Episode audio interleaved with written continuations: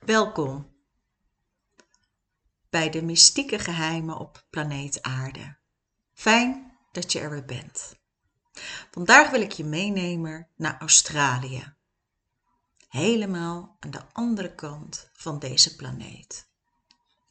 En specifiek de Aboriginals. Ga je mee op reis? Misschien wel 60.000 jaar geleden was het al, toen de eerste mensen het Australische continent betraden. In die tijd lag het zeeniveau zo'n 70 meter lager. Daardoor behoorde zowel Tasmanië als het destijds veel dichterbij gelegen Irian en Papua Nieuw-Guinea tot de Australische landmassa. Deze landmassa was slechts een zeereis van enkele dagen verwijderd van het Indo-Maleisische archipel. Er wordt aangenomen dat daar de eerste migratie op gang kwam. Het zou nog duizenden jaren duren voordat de centraal gelegen woestijngebieden bevolkt raken. De Aboriginals hebben in verschillende delen van Australië een andere lichaamsbouw ontwikkeld. In de koudere streken waren de Aboriginals klein en wat fors. In de warme streken lang en slank. En ze leefden altijd in groepen van 20 tot 50 mensen. Meer groepen vormden samen een stam en iedere stam had zijn eigen territorium, afgebakend door natuurlijke elementen van rivieren, bergketens en bronnen. Aboriginals hebben zelf nooit landbouw of veeteelt bedreven. De religie of de cultuur kent geen specifieke religie, maar wel een hele sterke geloofsopvatting. En daar wil ik jullie vandaag wat meer kennis mee laten maken. De Australische Aboriginals geloofden dat het leven op aarde ontstaan is in een droomtijd. In een periode waarin hun voorouders als mythische wezens vanuit de aarde opstonden mythische wezens die half mens waren, half dier. En die schiepen alle landschappelijke elementen. De hemellichamen, de flora en fauna en de mensen. En na schepping keerden zij dan weer terug naar de aarde, waarbij ze soms de vorm aannamen van een bijzonder element, bijvoorbeeld een berg of een steen of een boom. De Aborigines beschouwen het als hun heilige plicht om de scheppingsverhalen en de daarbij behorende rituelen over te dragen en in stand te houden. De droomtijdverhalen hebben naast een spirituele ook een praktische betekenis. Ze leren de Aborigines waar de beste jachtgronden zijn waar ze waterbronnen kunnen vinden, waar bepaalde vruchten en zaden groeien en wanneer die gegeten kunnen worden. Niet alleen vertellen de droomtijd verhalen hoe de Aborigines in harmonie met de natuur kunnen leven, ze gaven en geven ook inzicht in gedragsregels en in de regels van de sociale onderlinge verhoudingen. Ik geef jullie deze informatie om je voor te stellen dat een volk wat al zo lang op een continent leeft, met zo een bijzondere manier van leven en kennis, uiteindelijk op gruwelijke wijze vervolgd is. Mogelijk gaan we daar straks nog op door met jullie toestemming. Maar we gaan eerst nog meer informatie geven. Wat heel fascinerend is, is het scheppingsverhaal bijvoorbeeld van de Gundich Mara. Dat is ook een volk. En zij vertellen onder andere hoe de god Budi Bim naar de aarde kwam en zichzelf veranderde in een vulkaan. Van generatie op generatie vertellen de leden van het volk elkaar dit verhaal, omdat het zo'n belangrijke rol speelt. Dit was 37.000 jaar geleden. En wat blijkt? Geologen van de Universiteit van Melbourne, die hebben ontdekt dat er in de buurt van de Gunditjmara 37.000 jaar geleden twee vulkanen zijn uitgebarsten. De omschrijvingen van de Buji Bim en wat hij deed met de aarde komen exact overeen met de traditie. Zij geven zelfs een ooggetuigenverslag van wat al 40.000 jaar geleden gebeurd is. De vulkaan, waarvan de eruptie al is vastgesteld, heet nu dus ook Buji Bim. Iets verderop ligt dus ook Tower Hill, want volgens de overlevering het verhaal twee vulkanen en die is in dezelfde periode uitgebarsten. Ook daar blijkt dat ze exact konden meten dat het 37.000 jaar geleden gebeurde. Er zijn meerdere scheppingsverhalen bij de Aboriginals. Het is de Aboriginal en de mensen noem je de Aborigines. Ik ga het een en ander met jullie delen. Dit komt uit de Ara-dan van Noord-Australië. Voordat de wereld ontstond, was er overal duisternis. Het donkere land werd Il Ba Lind Ja genoemd. En dit was een uitgestrekte, lege vlakte enkel een paal stak uit de grond. En de paal reikte van de dorre aarde tot aan het bovenste van de hemel. En onderaan de paal lag Kodara. Hij was diep in slaap en de wereld om hen heen was één grote duisternis. Met zijn dromen had hij gedachten. En de dromen waren zo helder en kleurrijk als de aarde van vandaag. Karora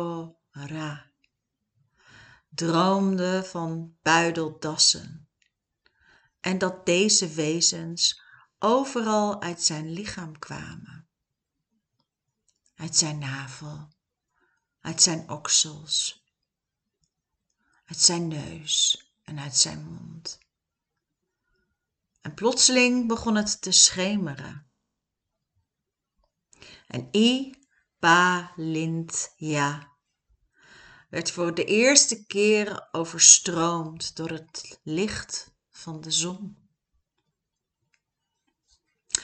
Ka, Ro, Ra stond op van zijn plek waar hij geslapen had.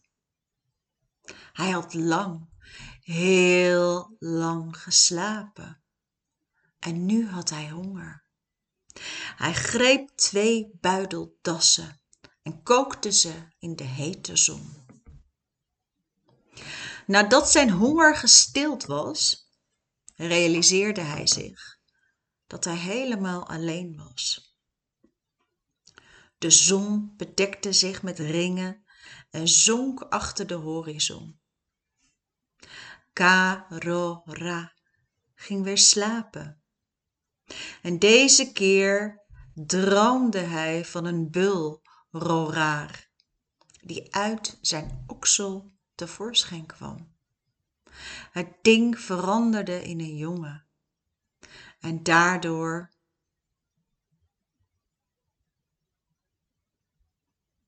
kwam zijn zoon tot leven, omdat Karora een lied zong. Overdag gingen vader en zoon op jacht naar buideldassen. En s'nachts, terwijl ze sliepen, droomde Karora van nog meer kinderen. En bij het aanbreken van de dag trof hij twee keer zoveel kinderen aan als daarvoor. Overdag aten Karora en zijn zonen buideldassen die ze roosterden in de hete zon. Maar het duurde niet lang voordat er geen buideldassen meer over waren. Karora stuurde zijn zonen op jacht en ze kwamen s'nachts thuis hongerig. De buideldassen waren verdwenen. En op een ochtend hoorde hij een vreemd geluid. En ze zagen een donker beest in het nevel zitten. Ze dachten dat het een buideldas was. En ze probeerden het beest te grijpen. Maar ik ben helemaal geen buideldas. Ik ben een Tjing ter ama. Tjing ter ama. Een mens. Net als jullie. En door jullie ben ik nu mank. Tjin ter ama was de eerste kangeroe. En die avond verzamelden zich al Karoras zonen rondom hem heen. En uit het gat in de grond waar Karora sliep, kwam er een vloedgolf aan honing. En de zoetigheid stroomde over het land. In één keer werden Karora's zonen samen met Chi, Ti, Jin ter Ama weggespoeld. Ze verdwenen uit het zicht naar een gebied onder de aarde. Karora stond in zijn eentje bij de grote paal en hij ging weer slapen om opnieuw te kunnen dromen.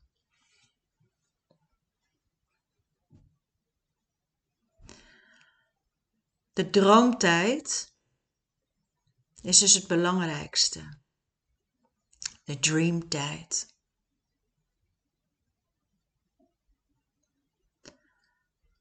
In ieder dialect van de Aborigines bestaat er een ander woord voor. Bijvoorbeeld chukurpa. Chukurpa. Onthoud deze naam, want daar komen we zo op terug.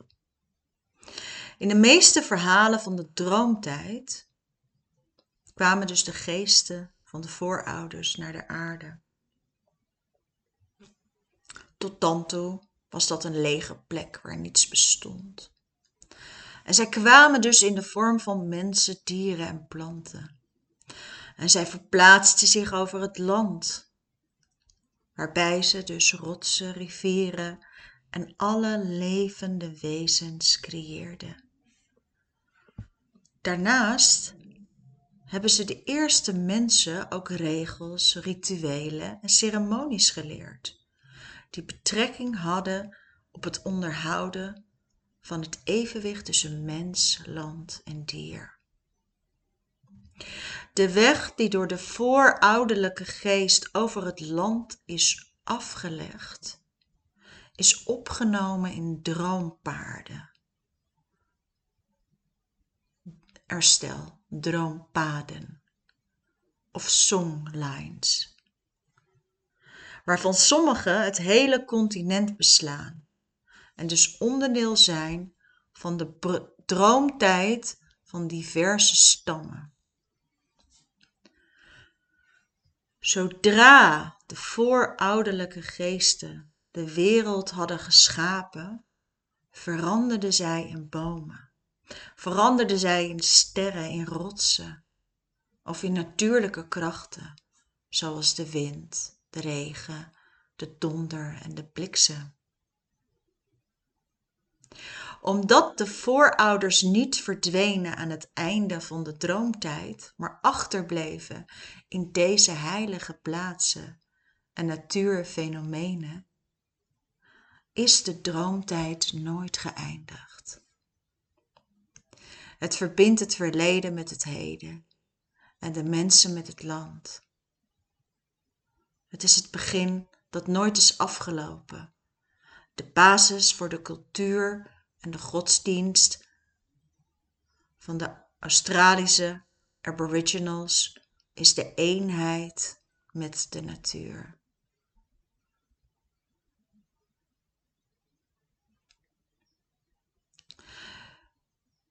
Chukurpa is dus mythologie. Het is niet echt een tijd van schepping, maar meer een tijd van ordening een tijd van ordening. Voor de Aboriginals is het landschap als een soort Bijbel. Er zijn dan ook allerlei belangrijke gebeurtenissen uit de droomtijd af te lezen.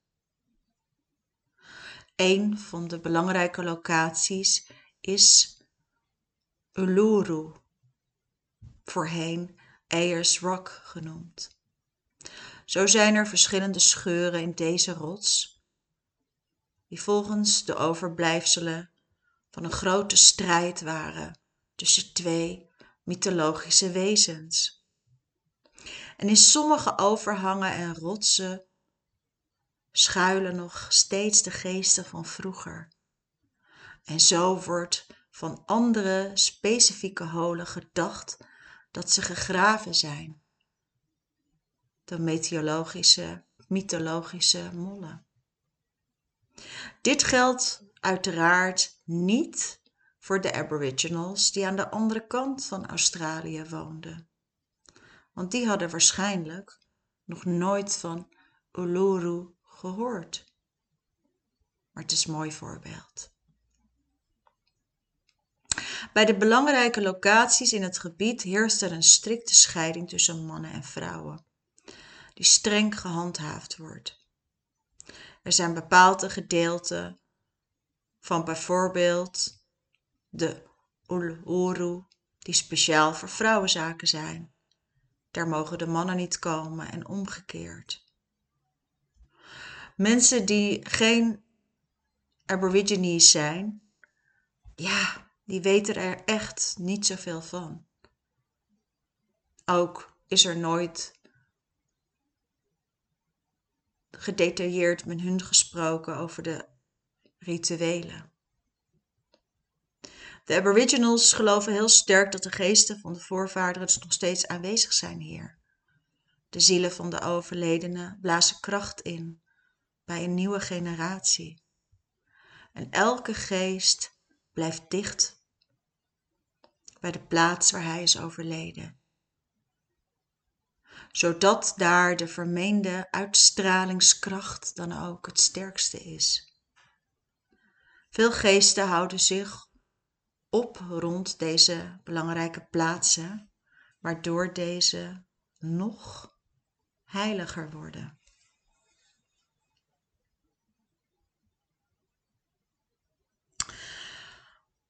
Droomtijd of dreaming is dus eigenlijk het aboriginal stelsel van wetten en geloof.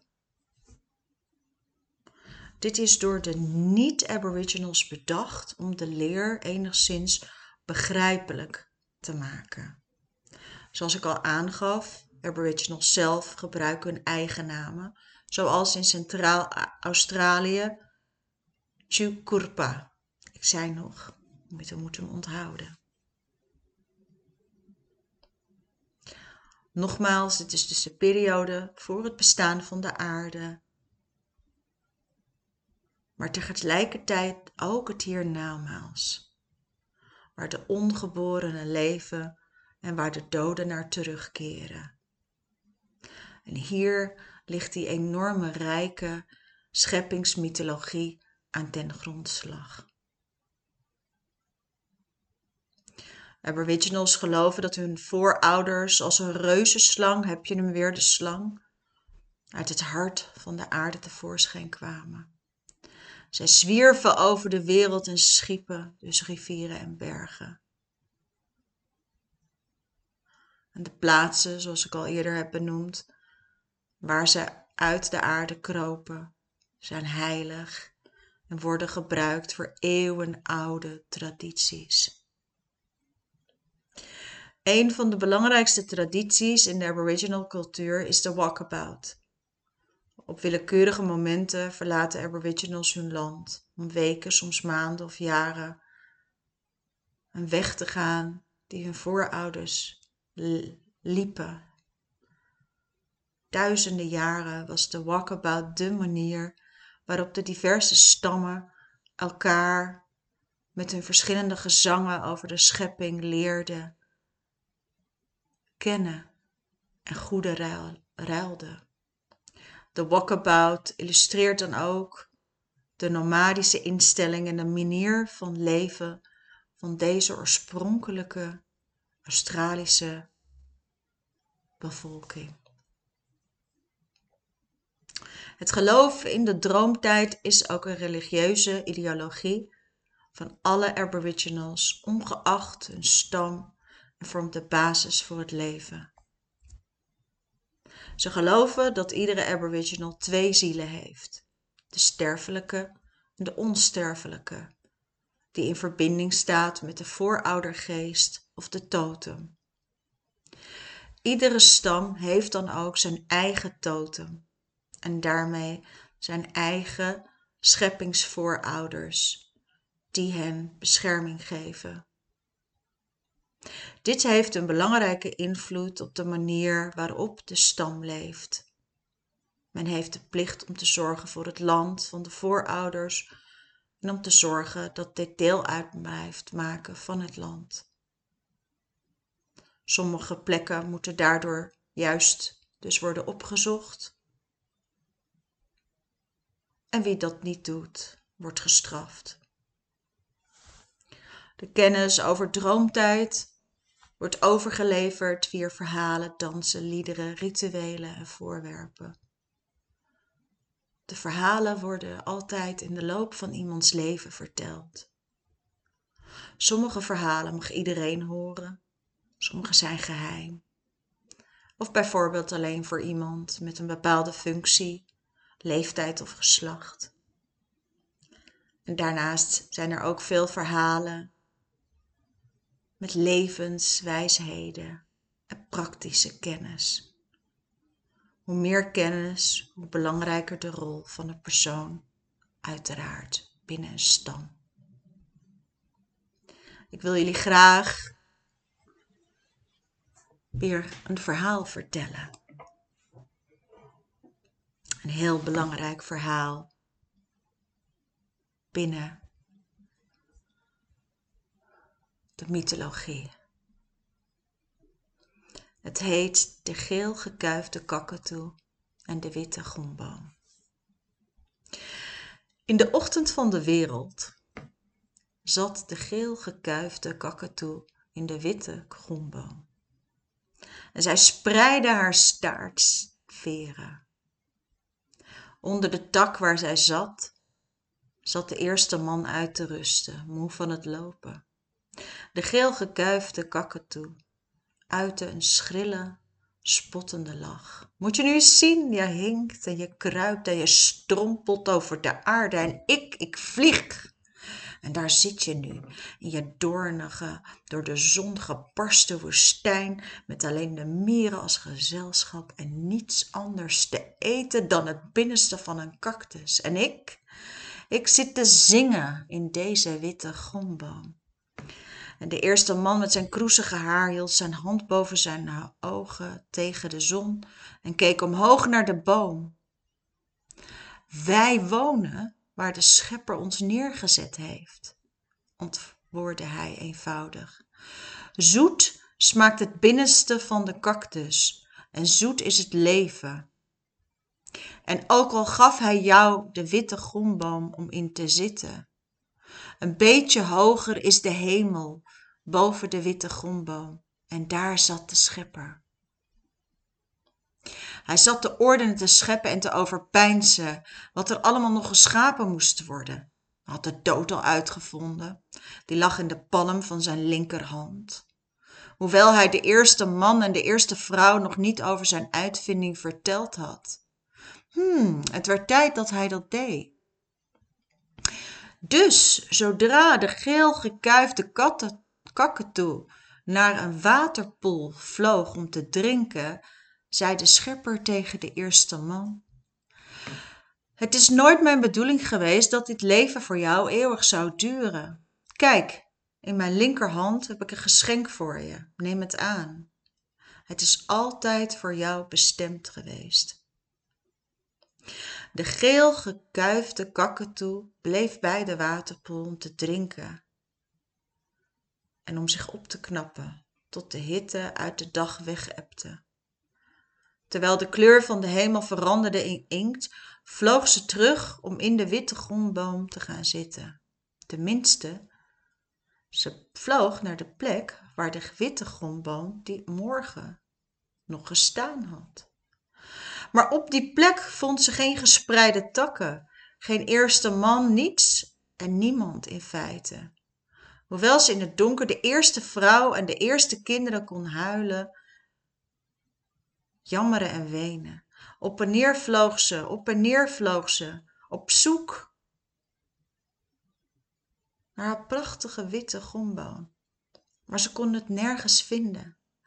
En al gauw zat er voor de geel gekuifde kakatoe niets anders op dan op de grond zich neer te strijken en haar staart veren door het rode woestijnstof te laten slepen. En ze keek omhoog en ze zag wat de schipper gedaan had. Daar, in de donkere hemel, daar was een zilver sterrenbeeld bijgekomen. Haar prachtige witte gomboom. De bladeren waren sterren en aan zijn wortels hingen nog kluiten zachte zwarte aarde. En toen de takken, en tussen de takken zat de eerste dode man met opgetrokken knieën tevreden toe te kijken.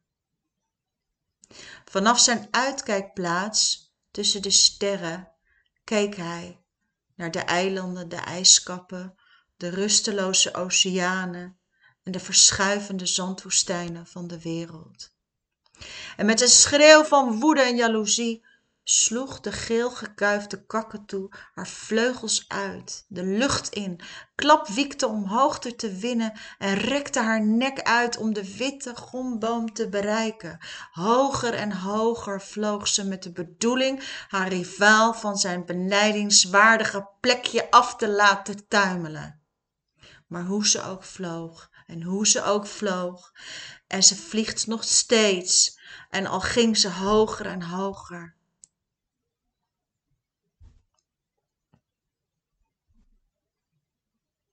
zo hoog dat haar veren de sterren bereikten en haar veren werden sterren en haar lichaam werd een sterrenbeeld.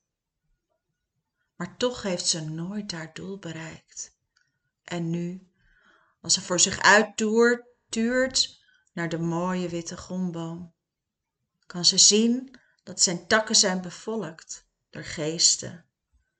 Met gelukkig glimlachende kroesharige geesten.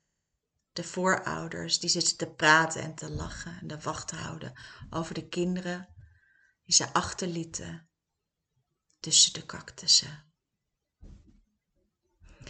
het verhaal over de zuidelijke sterrenhemel is dit.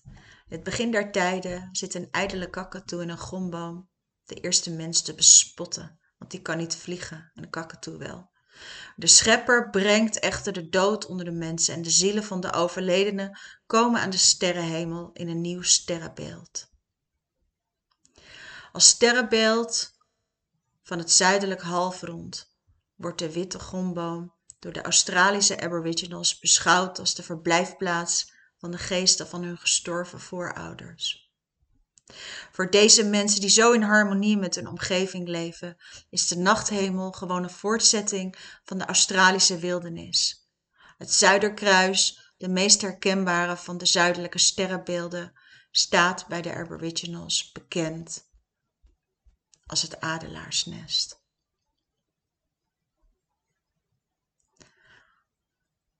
Ik wil heel kort nog even ingaan op het begin der tijden. Stel je voor dat bijna 20.000 jaar mensen hun leven hebben geleid. En plotseling daar, aan het begin van de 17e eeuw, kwamen daar Europeanen. En die zagen de Aboriginals, de Aborigines, als een soort wilde. Als je uiteindelijk ziet wat daar gebeurd is, dat de Aborigines die ingewikkelde systemen hadden van wetshaving, handhaving. En ze wilden zo ontzettend graag hun cultuur behouden. De cultuur behouden waarin alles gestoeld is op de band met de heilige aarde. En vorig jaar, niet vorig jaar, in de afgelopen eeuwen zijn steeds meer Aborigines uit de woestijnen verdreven. Ze zijn er nederzettingen geplaatst door overheden. Overheid die ze dwong om te socialiseren.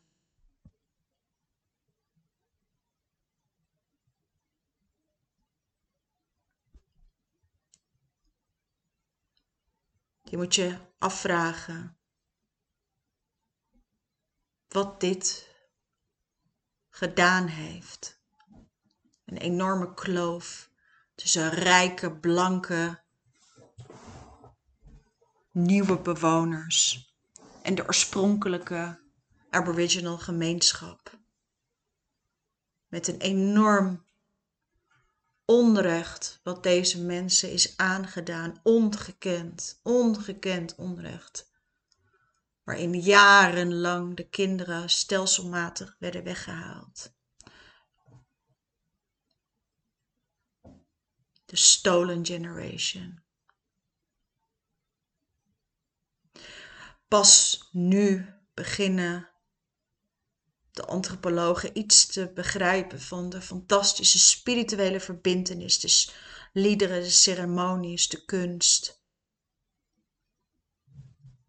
Van deze bijzondere, bijzondere mensen, die hun tijd eigenlijk zo vooruit waren.